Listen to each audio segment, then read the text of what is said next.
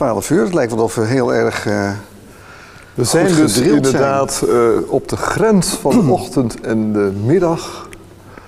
Maar het is een ja, geweldig moment, denk ik, om ook samen, ook met jou, Antoni, na te denken over dit congres en nog een kleine terugblik te geven op een en ander. Dus we zijn heel benieuwd ook hoe jij dit allemaal hebt beleefd.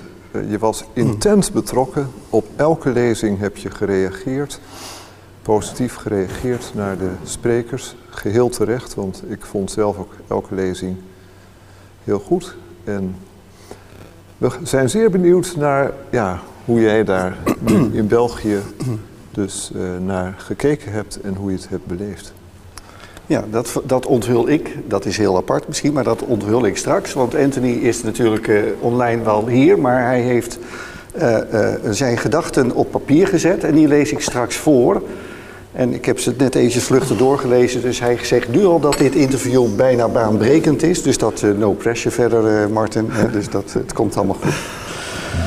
Dus dit, dit wordt een vraaggesprek in zeg maar twee of drie actes. Dus ik begin even met Martin te praten en daarna lees ik de reflectie van Anthony voor. Dan uh, kan Martin daar nog even op reageren. En dan lees ik de allerlaatste alinea van Martin van de Anthony voor. En dan heb jij het laatste woord. Voor de wegzending of zo.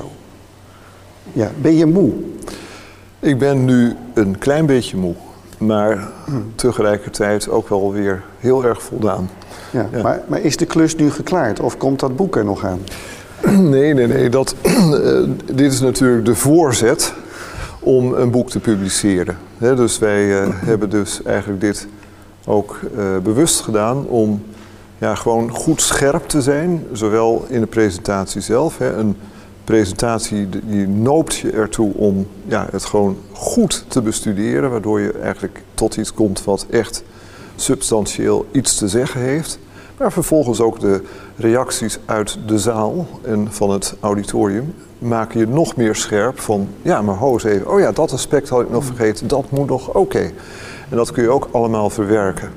En daarbij komt nog een keer dat je zit met elkaar natuurlijk in een gremium dat elkaar ook bewaakt. Dus stel je voor dat je een storende omissie hebt in je werk, dan kan een senior kan zeggen, maar ho eens even, heel mooi verhaal hoor, maar daar zit nog een omissie uh, zou je daar, daar moet je eigenlijk ook nog even iets mee doen. Of in ieder geval zeggen dat je daar niks mee doet.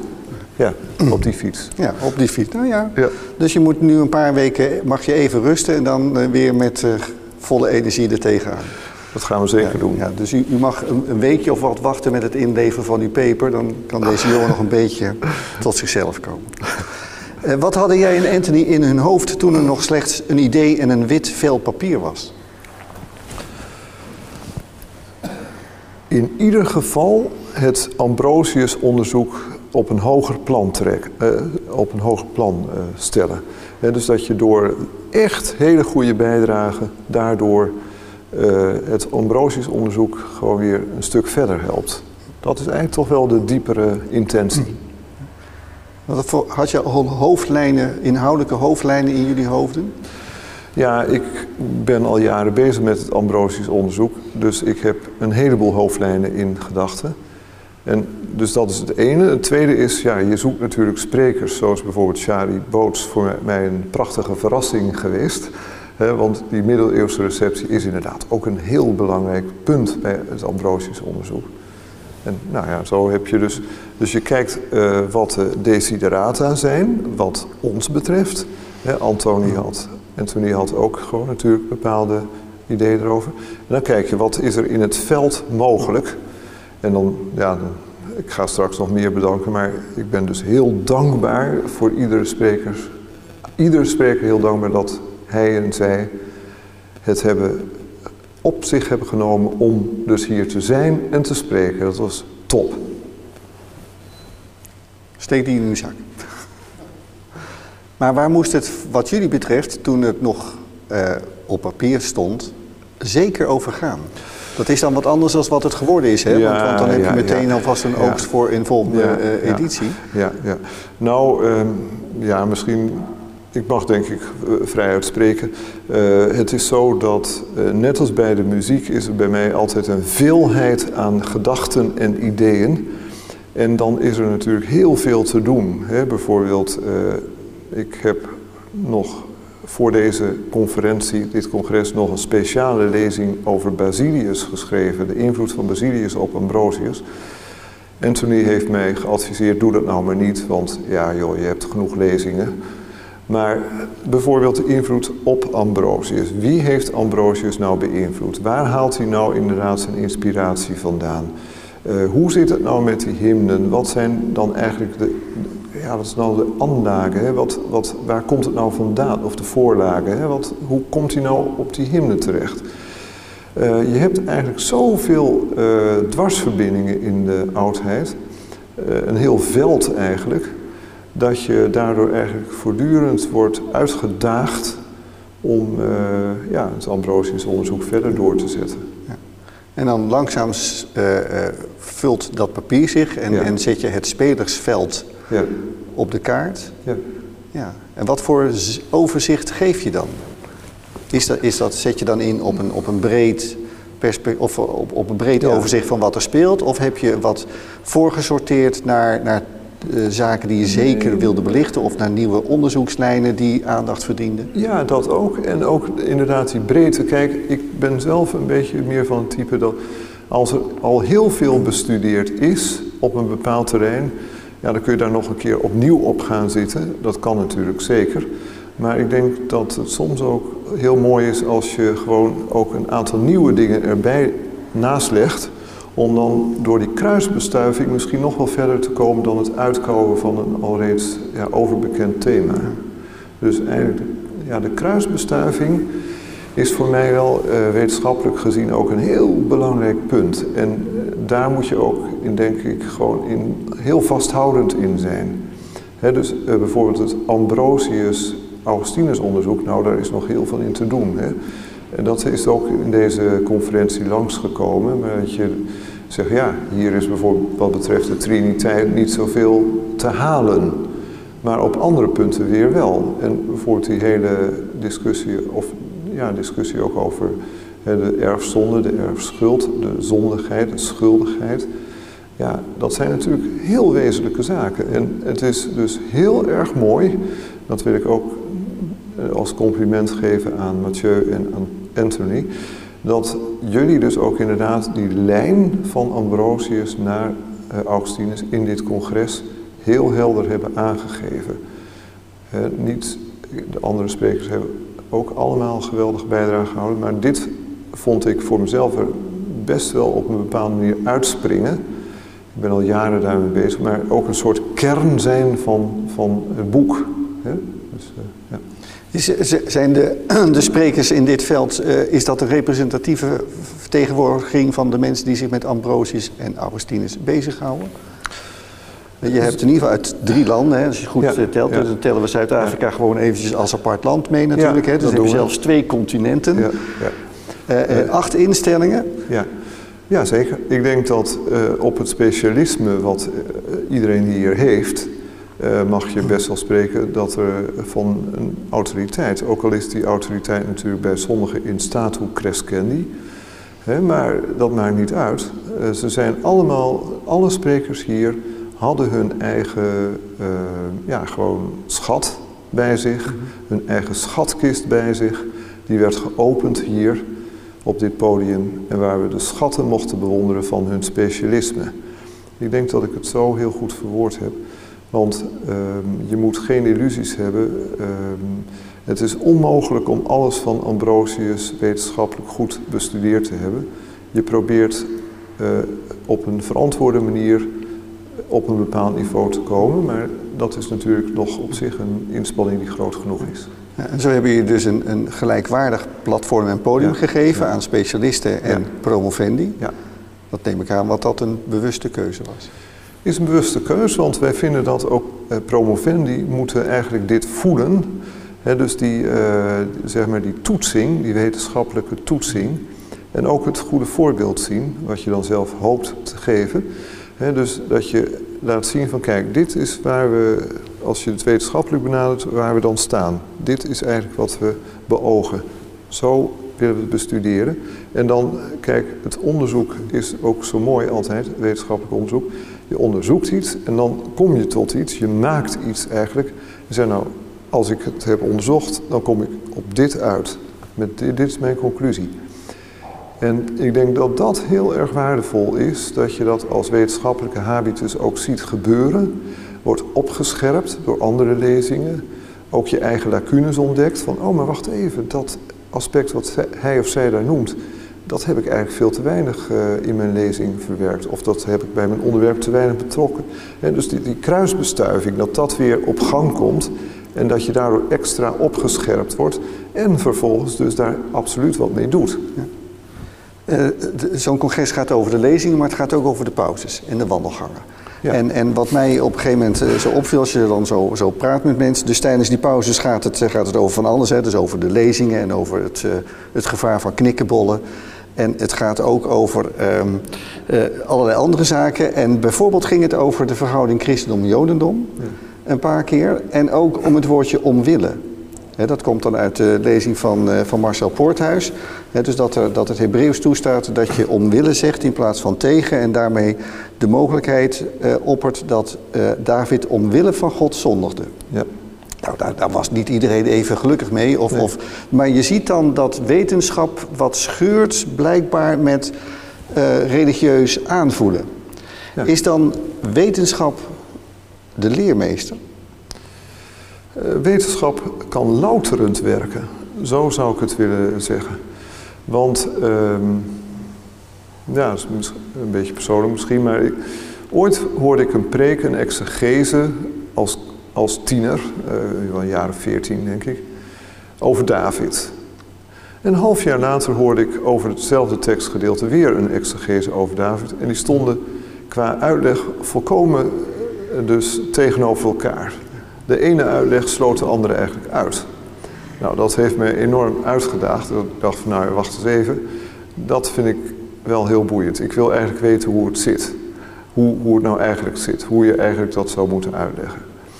En zo ben ik gaan studeren. En op een gegeven moment kwam ik tot de conclusie... hé, hey, maar je kunt dus inderdaad die Bijbel heel verschillend uitleggen. En die verschillen, ja, dat maakt natuurlijk ontzettend interessant...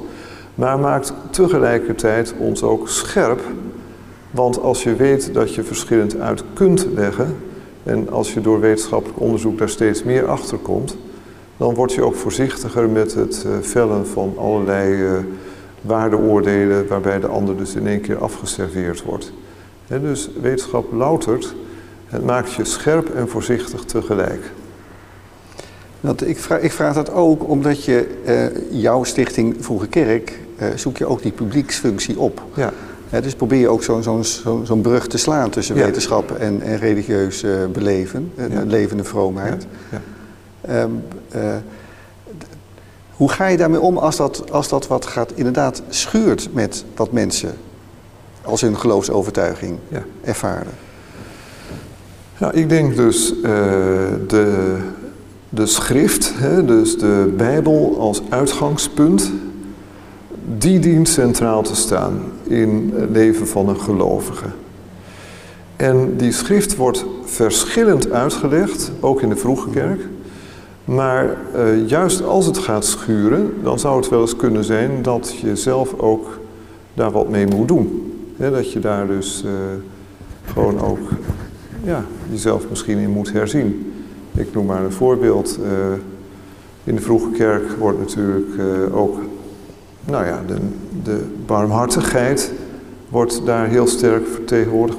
Bij Chrysostomus ook, dat is dan niet Ambrosius, maar Ambrosius doet het zelf ook. Hè. Die heeft ook zijn klooster opengesteld, al zijn geld gegeven voor, ja, voor zijn uh, kerk en voor het klooster. Dat onderhield hij allemaal van de landerijen.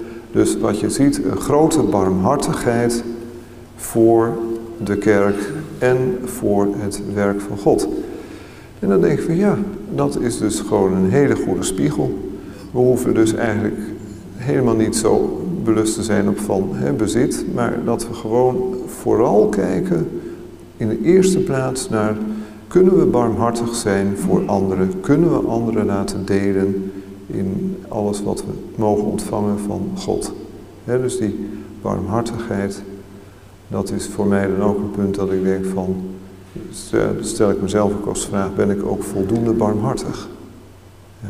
Maar los daarvan, eh, en ik denk nu aan de, aan, aan eh, de lezing van Matthias Smalbrugge, waar ik in ieder geval van begrepen heb dat wat hij te bedden bracht, dat het ook best wel uitdagend is voor allerlei theologische vanzelfsprekendheden nu. Ja.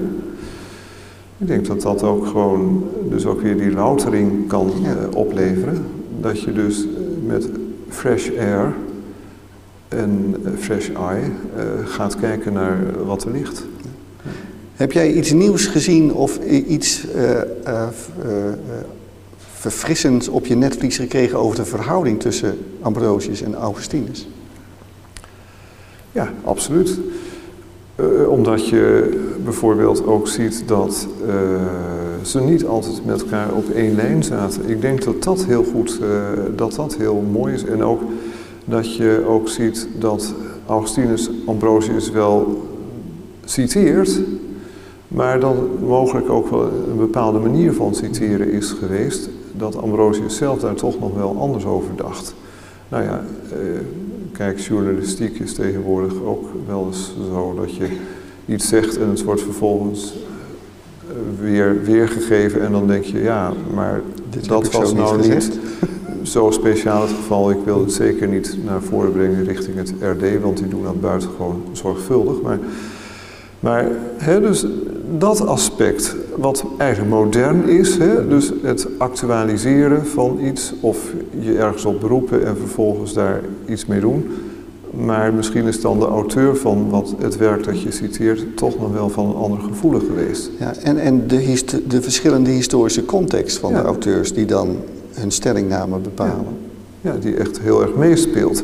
Ja. zoals dat was ook heel verhelderend, en ik hoop dat velen dat hebben ervaren, dat die strijd tegen Pelagius, ja, die zorgde er natuurlijk wel voor dat de standpunten verharden, zo gezegd. Ja. ja. Maar klopt het dat, dat er toch een zekere neiging is om in bepaalde uh, filosofische gedachtenbepalingen dan Augustinus te zien als degene die doorwerkt en doordenkt ja.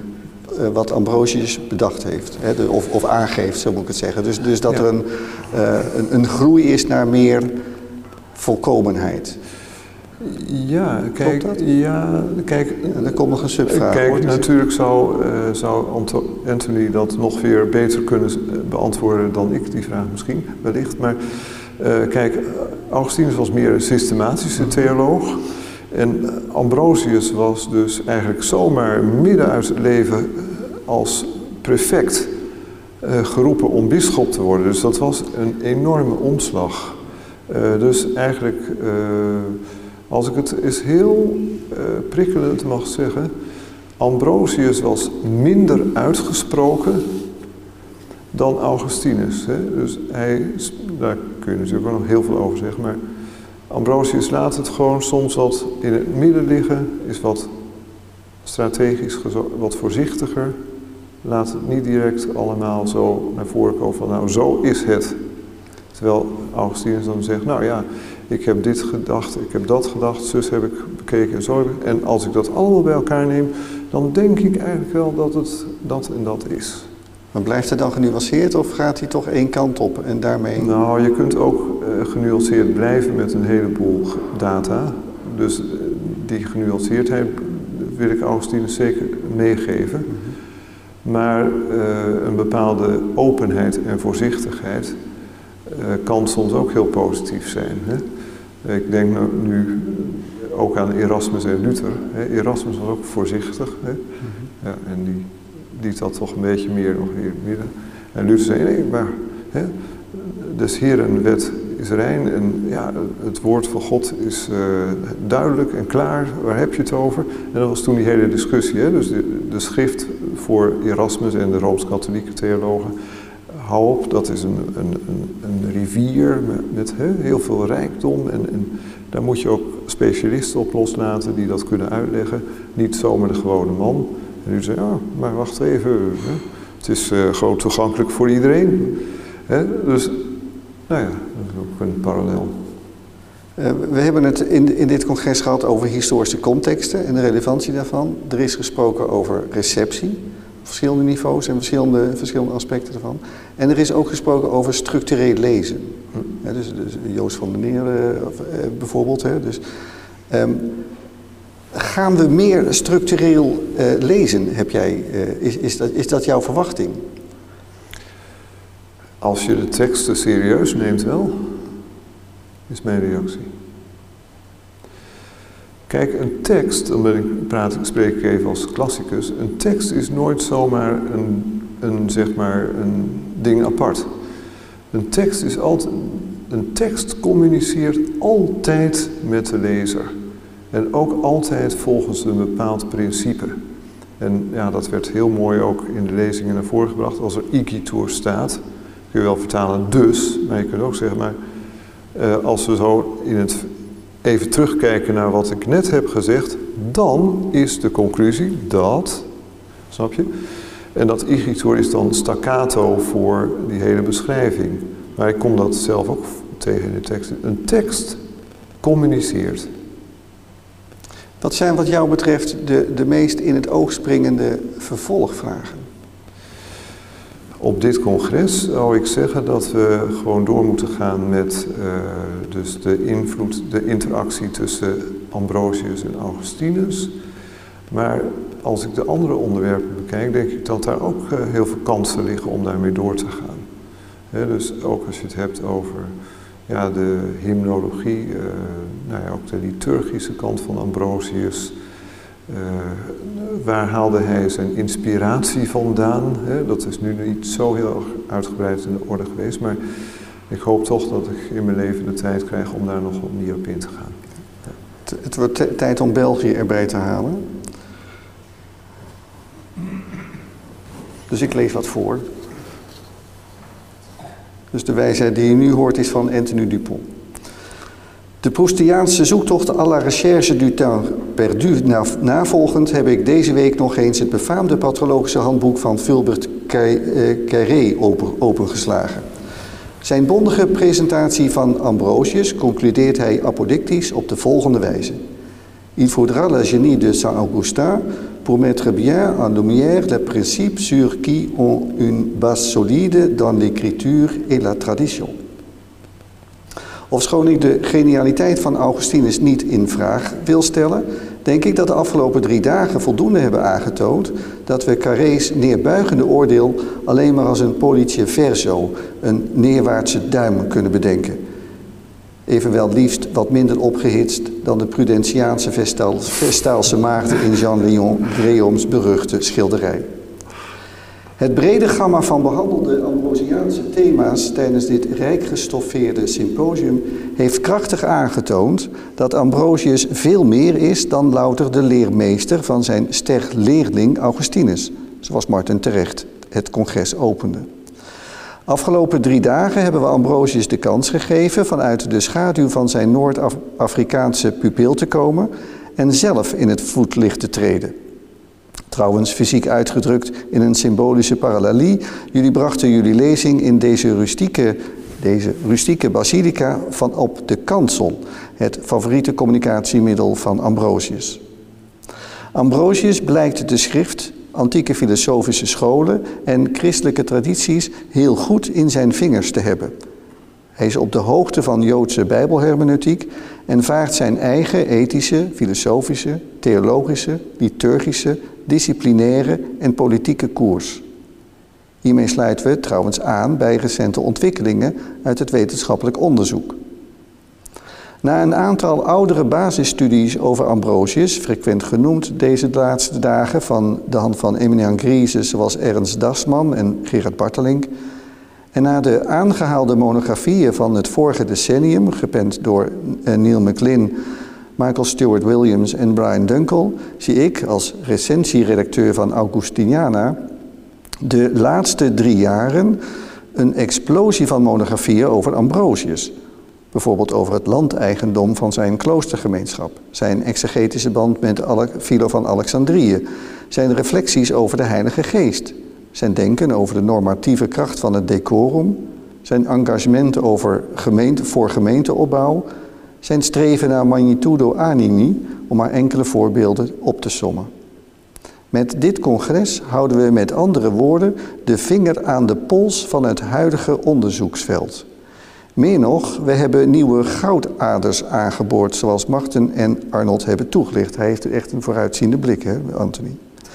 Bovendien, wij naderen de apotheose.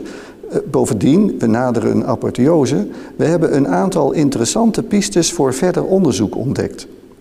Een intrinsieke op de schrift gestoelde deugdenethiek, een Ambrosiaanse normatieve trinitijns-apologetiek, Ambrosius' eigenstandige zondedoctrine, een bijzondere visie op boete, bekering en genade, zijn worsteling met lichamelijkheid en seksualiteit, zijn complexe verhouding met profane cultuur en wereldse politiek, zijn kijk op gender en autoriteit, de wijze waarop Ambrosius retorisch, pedagogisch en homilitisch van invloed was op Augustinus, en Ambrosius' uitbouw van een christelijke schriftheumenietiek, niet gespeend van Joodse interpretatie, zijn creatie van christelijke hymnen, zijn receptie van de Christ, in de christelijke oudheid, bij Prudentius, Augustinus en anderen, en in de christelijke liturgie en in het middeleeuwse denken en de reformatorische stamvaders.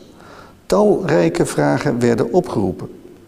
Hoe begreep August, Ambrosius imago et similitudio? Hoe zat het nu precies met Joden, Manicheërs en proto-Pelagianen in de religieuze en theologische smeltpot van, het, van Milaan? Kunnen Ambrosius' politieke vaardigheden verzoend worden met zijn ethische principes? Liggen preken, van, liggen preken aan de basis van Ambrosius' Lucas-commentaar? Welke rol speelt Ambrosius in latere theologische debatten? En is dit Ambrosius zelf of Ambrosius selectief gepresenteerd in Florilegia of vanuit een specifiek Augustiniaans perspectief? Hoe moeten we de middeleeuwse transmissie van en receptie van Ambrosius begrijpen? Supportert Ambrosius voor AC Milan of voor Inter Milan? Ofschoon dit overzicht allesbehalve exhaustief is, fungeren, fungeren dit congres en de bundel waarin het resultaat zodoende als hefboom voor verdergaand innovatief toponderzoek en daar mogen we trots op zijn. De afgelopen dagen hebben we Ambrosius beter leren kennen als theologisch en filosofisch denker, als politieke en kerkelijk leider, als liturgische en pastorale voorganger, geworteld in Joodse, klassieke, bijbelse en christelijke literatuur en van invloed op latere auteurs en discussies. We hebben vastgesteld dat hij een scharnierfiguur was in een tijd van transitie en transformatie. Twee processen waar hij zelf mee gestalte aangaf. De twee iconografische attributen geassocieerd met Ambrosius, de bijenkorf en de gezel, krijgen nieuwe betekenis. En dan volgt er nog een alinea. Nee, die kan er nog wel. Tot slot, we hebben speerpunten voor nieuw onderzoek gedefinieerd. Ik kan jullie alleen maar oproepen om de krachten te bundelen in de lage landen voor het toekomstige Ambrosius-onderzoek. Niet in een competitie tussen Team Oranje en de Rode Duivels, maar samen verenigd. En zo zullen we bij de wereldtop spelen en Ambrosius' erfenis het krediet geven dat zijn mooie nalatenschap verdient. En Thieu, Matthijs, misschien wil jij de coach worden van deze Squadra Ambrosiana. Er komt nog één linea, die vertel ik straks. Ja, dat kan nog wel. Uh, er komen niet één, maar nog misschien wel elf congressen over Ambrosius. Nou ja, wat ik... En dan ben ik heel erg serieus misschien. Wat ik wel als mijn verantwoordelijkheid beschouw, is om het prachtige onderzoek dat ook gedaan is in de École de Nimège, ook op het gebied van Ambrosius. Het prachtige onderzoek dat Leuven nu ook heeft verricht, ook in het verleden. Prachtige onderzoek wat er is, om dat te continueren. Zoveel als wij kunnen. En ja, daar moeten we ook weer vormen voor vinden. Dat is het merkwaardige in het menselijke bestaan. Je hebt een idee, een gedachte. En ja, dan ga je daar over nadenken, hoe kan ik dat nou in de praktijk vormgeven. dit is natuurlijk uh, sowieso een enorme stap. En heel erg blij ben ik met deze stap. we gaan eerst het boek maken en ondertussen gaan we verder denken over hoe we het kunnen continueren. Ja, ja. ook in het Engels. Hè. Ik bedoel, er is natuurlijk ook in het Engels heel veel te publiceren. Ja, door daar gewoon ook weer zorgvuldig in te zijn, mogelijk dat we daardoor ook weer op andere manieren, in andere gremia ook weer verder kunnen doorwerken. Ja, maar goed, de voetbalmetafoor van Anthony voortbouwend, eh, je moet ook spelen op wereldniveau. Ja, hè? ja, Dus dat, dat, eh, Dat kan nu ook, hè? Ja. Omdat je, ja, het Engels is natuurlijk eh, gewoon toch overal gebruikelijk. Eh, we hebben digitale middelen, je communiceert heel gemakkelijk even per e-mail. Dus ja, al dat soort zaken. En, en wat, wat, wat natuurlijk, dat is het voordeel van, van eh, het, het lezen van een tekst. Van als je dan die hele rits van vruchten en mogelijkheden hoort, dan, dan zijn er nogal wat carrières te wijden aan Ambrosius. Dat is absoluut. En ik ben heel blij met deze opmerking. Eigenlijk zou het zo moeten zijn en zo moeten gaan dat, eh, ja, dat we daar ook weer betaalde eh, promotieplaatsen zouden kunnen creëren op de universiteit om dit zeer belangwekkende onderzoek eh, vorm te geven. Want dat wil ik gewoon hier zeggen. Ik wil het gewoon. Kijk, er wordt overal geld aan besteed in onze maatschappij. Prima, loffelijk enzovoorts. Maar hier zou ook geld aan moeten worden besteed. En dit zeer waardevolle onderzoek, ook in Nederland, zou echt meer aandacht verdienen. Stel je hebt een, eh, een flinke subsidie voor een monografie, Ja, waar zou die over gaan? ja eh, eigenlijk wel de onderwerpen die hier eh, gepasseerd zijn. Nou, kies er één. Ja, dat, nou, ik zou dus, maar dat, ben ik, dat zit dus in mijn idee, de invloed van Basilius op Ambrosius. Dat eh, zou mijn topic zijn.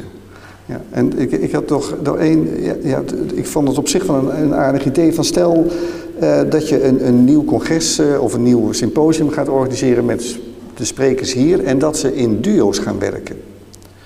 Dus welke sprekers zou jij zo aan elkaar koppelen om gezamenlijk tot een lezing, presentatie te komen en uiteindelijk een artikel? Het is, dit wordt geen, geen verplichting, Ja, dames en maar- heren, maar Eh, ik vind het idee mooi en eigenlijk vind ik het al gerealiseerd. Als je bijvoorbeeld kijkt naar de, het tweeluik eh, Dupont en Lambrechts, ja, dan, dat was gewoon een tweeluik. Ja. Hè, en zo zijn er eigenlijk, als je goed over deze conferentie nadenkt, wel meer tweeluiken te verzinnen, denk ik. Hè, dus de, de, de voordracht over de drie-eenheid, ja, dat zou je natuurlijk ook weer heel mooi kunnen koppelen aan eh Arie Baars met eh helshistorie, eh, maar ook, hij was ook gepromoveerd, is gepromoveerd op de drie-eenheid. Dus ja, daar zijn natuurlijk, dat is ook weer een kwestie van puzzelen. Dat is het hele merkwaardige in het leven, dat hoe meer je bereid bent om te puzzelen, des te beter kom je eigenlijk uit. Maar dat vergt ook een stuk doordenking, een stuk ja, gewoon verdieping, een stuk zelfverloochening soms ook wel. Maar maakt niet uit. Eh, goed puzzelen geeft een goed resultaat. Is er op de chat toevallig al antwoord uit België van Mathieu over de vraag of hij de coach van dat Squadra Ambrosiana wil worden? Nog niet, Nog dan wachten we dat nog even af. Ik lees nu de laatste alinea van de brief van Anthony voor. Nu is het genoeg. Na drie boeiende en stimulerende dagen ben ik, zoals in Ambrosius zevende hymne bezongen, intellectueel doorvoed en zelfs een beetje dronken. Straks ga ik gewoon het gras maaien in onze tuin. Ofschoon de thuisploeg hier het logistiek aangenaam vond dat ik het Apeldoorn Symposium in Leuven volgde. Wij in Leuven met de drie Leuvenaars een gezellig congresdiner genoten gisteravond. En ik een paar lezingen onder de schaduwrijke boom in onze zonovergoten tuin kon volgen. En eventuele gelijkenissen met meer bekende voorbeelden zijn niet bedoeld. Daar geloven we dan weer niks van. Hè. Wil ik met plechtige stelligheid beloven dat we elkaar de volgende keer face à face zullen ontmoeten. Daar kijk ik nu al naar uit. Als laatste woord, heel uitdrukkelijk, mijn dank voor alle erudite lezingen, pertinente vragen en interessante discussies. En mijn diepe waardering voor het werk van collega Van Willigen. Voor de vlekkeloze, enthousiaste en ethisch hoogstaande organisatie en omkadering van dit congres. Voor het samenverkennen van de patristische schatkist. Voor zijn weldadige vriendschap. Was getekend Anthony Dupont. Daar sluit ik me graag bij aan. Ja, ik ben... Dank, dank voor, dit voor, voor, voor het organiseren van dit congres. Het is, een, het is een mooie locatie, deze basilica en deze kerk. Met een gastvrije ontvangst. Dus ook dank aan uh, mevrouw en meneer de Koster met kleine letters. Want ik weet dat u niet zo heet, maar het wel hier bent. Uh, de goede technische ondersteuning. En, en, en natuurlijk jouw uh, pianospel. En je gastheerschap. Ja.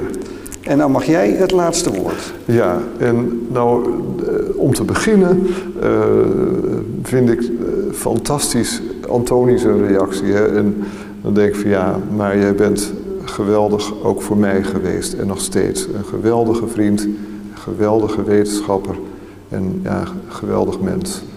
Dus uh, daar wil ik mee beginnen. Maar vanmorgen zag ik deze bui al aankomen. Dus ik heb gewoon in mijn uh, opschrijfboekje even opgeschreven wat, wat er allemaal gezegd zou kunnen worden. Dat is niet zoveel hoor. Maar dat heb ik systematisch even bij elkaar gezet. Dus ik pak even mijn opschrijfboek en dan ga ik dat even keurig netjes aan u voorzeggen. Dan wachten we op.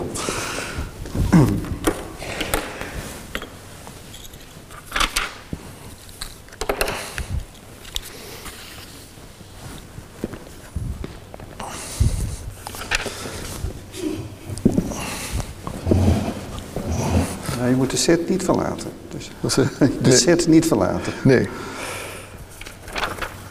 Even kijken. Ik heb het volgende opgeschreven. We mogen met elkaar terugzien op een bijzonder congres. Een bijzonder congres waar heel veel kon worden gedeeld en waar we harmonieus met elkaar mochten samenwerken geweldig. Dat noopt mij tot diepe dankbaarheid. En dit congres laat ook zien dat je ondanks moeilijke omstandigheden. Herman Zelderhuis gaf mezelf zelfs het advies: nou, doe het maar in november, dan uh, heb je de COVID ook niet meer. Maar ook in die moeilijke omstandigheden toch samen een internationaal congres. Live, hier gewoon in de kerk, in een zonovergoten omgeving waar onze Belgische collega's een substantiële bijdrage hebben geleverd. In de lezingen, in de aansturing, in de discussie, in de slotbeschouwing. Helemaal top, top, top. Bijzondere dank voor de extra inspanning, gewaardeerde Belgische collega's, om alles van tevoren op te nemen maar daardoor ook te garanderen dat jullie lezingen zonder enige belemmering precies op tijd konden worden uitgezonden via livestream. Bijzondere dank aan jullie, alle sprekers. A special thanks voor Anthony, ook Mart Kleppen, de voorzitter van onze uh, zeg maar onze stichting. De stichting heeft dit financieel allemaal mogelijk gemaakt. Mart Kreppen als stichtingsvoorzitter is altijd enthousiast, altijd positief. En zegt, oh, doe maar, organiseer maar hoor. Prima, goed, goed idee. A special thanks also for you, Marcel Early Awaking.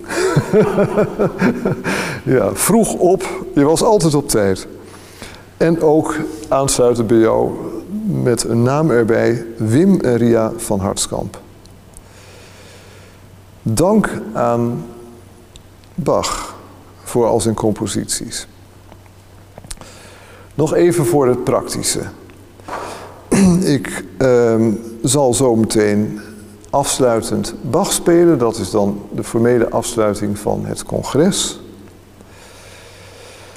En na de lunch die we nog hebben, uh, is het zo dat als jullie willen, dan kunnen we nog een eindje wandelen bij Hoogsoeren. En ik hoor dat wel tijdens de lunch of die behoefte er nog is. of, maar in ieder geval kan dat. En dan is de route daar naartoe niet moeilijk. Bij, de, bij het hotel begint de Soerense weg. Die kun je vervolgen naar het buitengebied tot het plaatsje Hoogsoeren. En daar in de bocht van de weg, daar staat een kapel en daar kunnen we wandelen. Eigenlijk heb ik hiermee gezegd wat ik wilde zeggen.